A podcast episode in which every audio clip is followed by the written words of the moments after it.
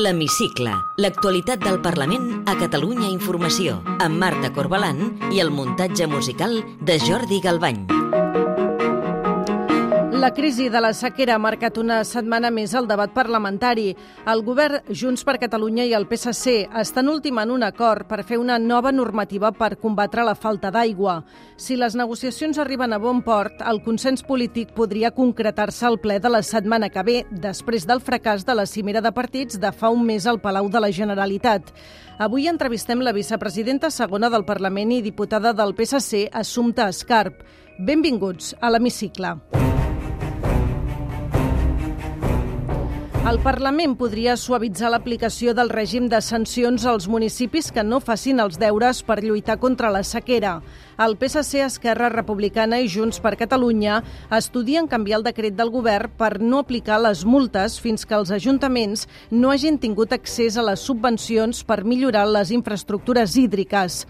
El cap de files de Junts per Catalunya, Albert Batet, feia aquest avís. Si el govern no fa la feina, la farem des del Parlament de Catalunya. El decret del govern, que ja està en vigor, preveu sancions als ajuntaments que no compleixin les mesures antisequera. El PSC, en canvi, defensa eliminar les multes i Junts proposa establir una moratòria fins a l'1 de juliol. Les tres parts estan ara negociant una fórmula que satisfaci tothom i que es podria aprovar al ple del Parlament de la setmana que ve a partir d'una proposta de Junts. La portaveu d'Esquerra, Marta Vilalta, acceptaria sancionar només els ajuntaments que no demostrin una actitud col·laborativa. Si hi ha bona voluntat, si hi ha predisposició de tothom, no hi haurà sancions, perquè tothom farà bé la seva part de la feina. Quan això no passi és quan defensem que hi ha d'haver uh, sancions perquè vol dir que hi ha actors implicats, sigui món local o qui pertoqui, doncs que no està fent la seva part de la feina. I és un tema tan rellevant que tothom ha d'assumir la responsabilitat que li pertoqui. La portaveu del PSC, Alicia Romero, creu que l'acord és factible. Negociar és cedir. Nosaltres ho tenim clar Crec que no tots els grups ho tenen clar, però nosaltres sí. I malgrat que la nostra posició és no sancionar, com que tenim 33 diputats i no 70, doncs haurem de cedir. Junts, Esquerra i el PSC estan també d'acord a posar a disposició dels ajuntaments una línia d'ajuts de 50 milions d'euros. Aquesta setmana han comparegut els primers testimonis a la Comissió d'Investigació de la Pederàstia a l'Església. Les víctimes d'abusos sexuals de l'Església Catòlica han demanat que aquests casos de pederàstia no prescriguin ni per la via penal ni per la civil. Un dels testimonis, Manuel Barbero, el pare que primer va denunciar el cas dels maristes, ha fet aquestes peticions als diputats. Imprescriptibilidad. Asesoramiento jurídico a las víctimas, sean menores o no sean menores, Atención continuada desde el minuto uno, desde que lo verbalizan. Educación afectivo-sexual. La clave está ahí, en las aulas. Y así se rompe con esa pescadilla que se muerde la cola. Josep Roqueta, també víctima dels maristes, es va encarregar de renyar els diputats per la seva actitud durant la comissió. Espero, jo personalment, que deixeu el mòbil i ens escolteu. Dels sis diputats que éreu aquí, un, el 80% del temps ha estat amb el telèfon. Dos han estat meitat del temps i altres dos, molt poquet. Fiqueu-vos a la nostra pell. Si heu vingut aquí a escoltar, us ve d'una hora sense mòbil? La indignació dels compareixents per la falta de valentia política per lluitar contra la pederàstia va portar els diputats de la comissió a reconèixer els errors. Sentim, per exemple, la diputada d'Esquerra, Raquel Sanz, la copaire Dolors Sabater i el diputat David Cid d'en Comú Podem. Vull començar, com ho he fet abans, també demanant disculpes. Moltes gràcies a tots quatre pel testimoni, per les propostes i per posar-nos davant d'un mirall que ens fa vergonyir. Segurament no, els que estem a la institució, en aquest cas per la part que ens toca des del Parlament de Catalunya, no hem fet les coses prou bé i no hem estat a l'alçada i per tant jo crec que la primera cosa que hem de fer eh, és demanar disculpes i és demanar de perdó. Ni Vox, ni Ciutadans, ni el Partit Popular no van participar a la comissió. Després de ser reprovat per tota l'oposició, el conseller de Drets Socials, Carles Campuzano, ha comparegut aquesta setmana al Parlament per defensar-se davant la polèmica per la residència geriàtrica de Santa Coloma de Gramenet.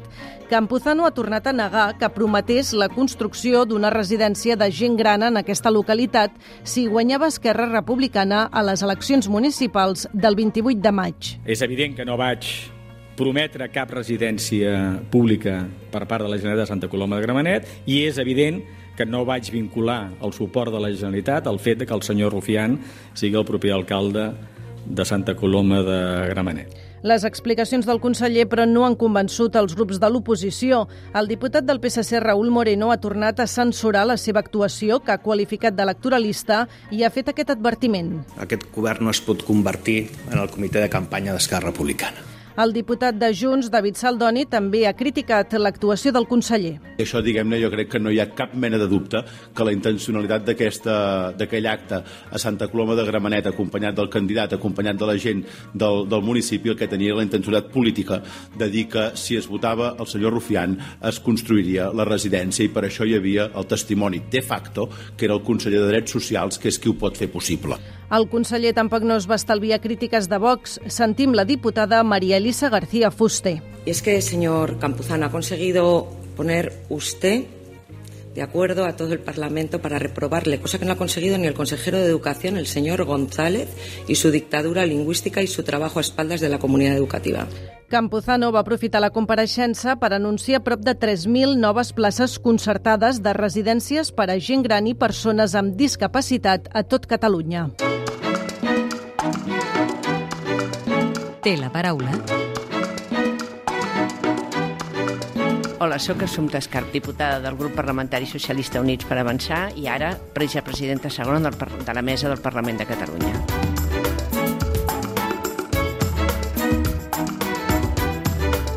El Parlament ha presentat aquesta setmana un escrit a la Junta Electoral Central per defensar l'escó de Laura Borràs. A les al·legacions es recorda que el reglament de la cambra no permet la retirada de l'acte de diputat fins que la sentència no és ferma. El PSC, el seu partit, és l'únic grup de la mesa que ha votat en contra de defensar l'escó de Borràs. El reglament de la cambra, com a llei que és, no és d'obligat compliment?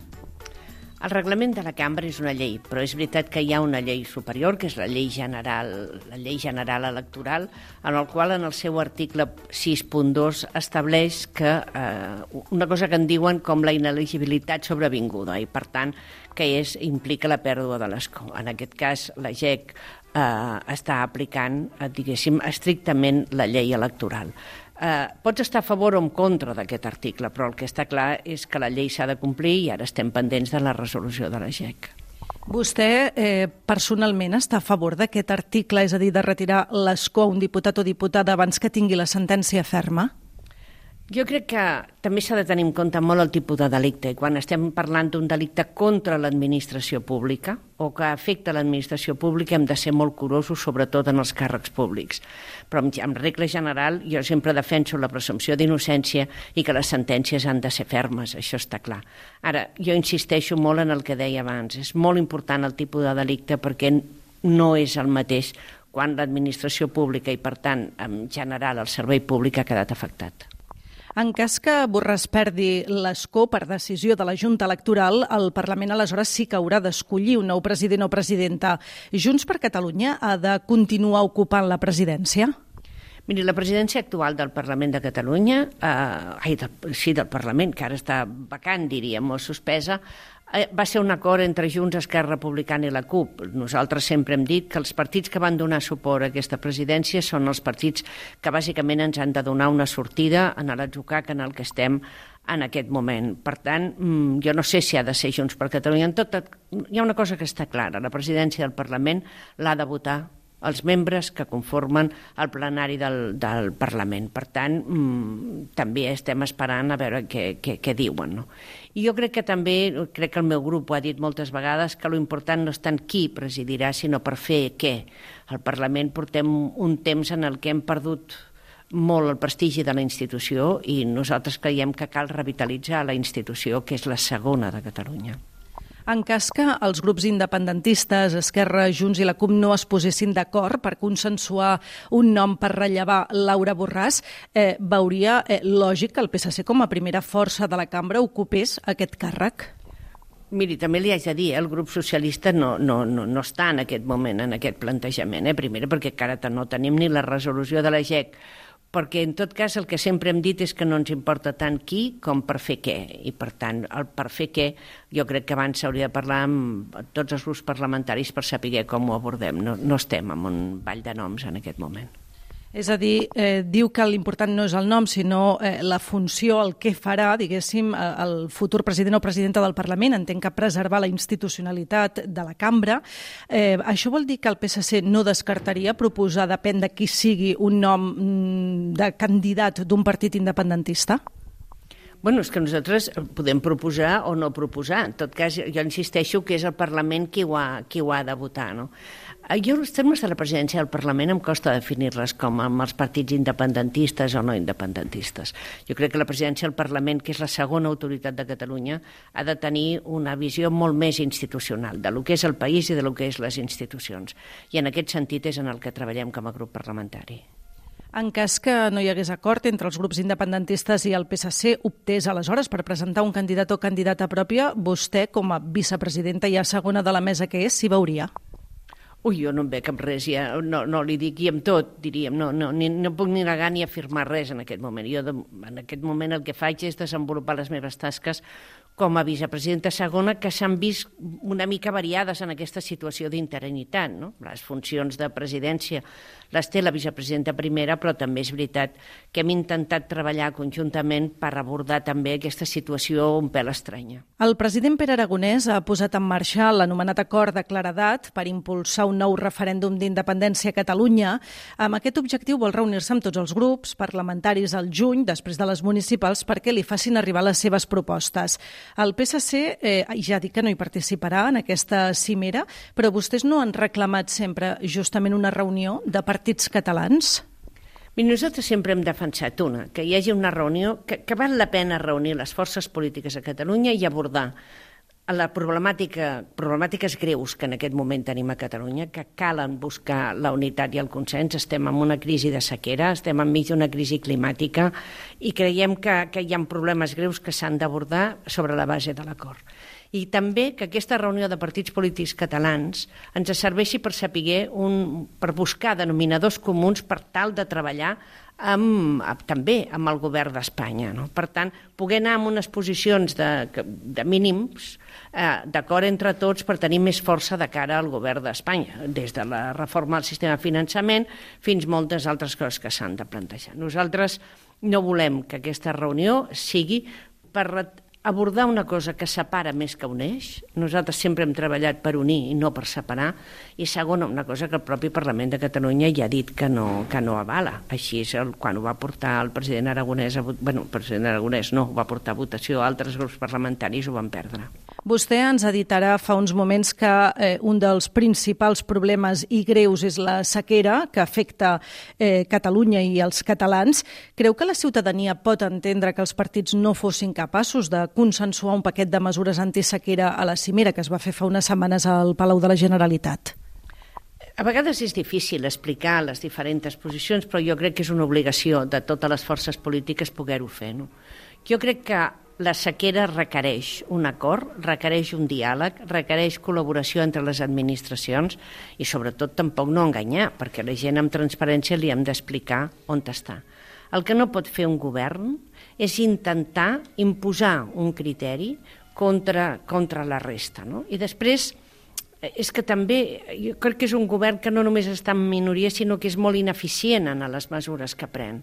Aleshores, en aquest moment, davant de la seva manca d'iniciativa per buscar un acord de totes les forces polítiques, doncs seran els grups de l'oposició qui, a través d'un projecte de llei en aquest ple, donaran sortida i buscaran l'acord. És a dir, que en aquest cas és l'oposició qui està fent la feina de govern i potser el govern s'entretén massa a fer d'oposició de l'oposició. Si li sembla bé, ens endinsem ara ja en el terreny més personal i ara sí que li demano si pot contestar amb respostes tan breus com sigui possible. Quina injustícia social l'enerva més? Les desigualtats. Amb quin diputat o diputada que no sigui del seu grup compartiria una sobretaula distesa? Amb Malva Vergés. Quin és el seu paisatge favorit? Muntanya. Si deixés la política institucional, a què es dedicaria? Hores d'ara jubilar-me, ja. Els diputats cobren molt, poc o just el que han de cobrar? Els diputats han de cobrar lo suficient per fer bé la seva feina i, sobretot, poder-la fer amb transparència i molta publicitat. Té algun viatge pendent de fer? Sí, a l'Antàrtida. I ja per acabar, completi la frase següent. El que més m'agradaria del món és... ser feliç i poder ajudar a ser, feliç a molta més gent. Assumpta Escar, vicepresidenta segona del Parlament i diputada del grup Socialistes i Units per Avançar, gràcies per atendre'ns a l'hemicicle de Catalunya Informació. Moltes gràcies a vosaltres. Podeu tornar a escoltar l'hemicicle al web catradio.cat barra hemicicle o al podcast del programa i seguir l'actualitat del Parlament al perfil de Twitter arroba L-hemicicle.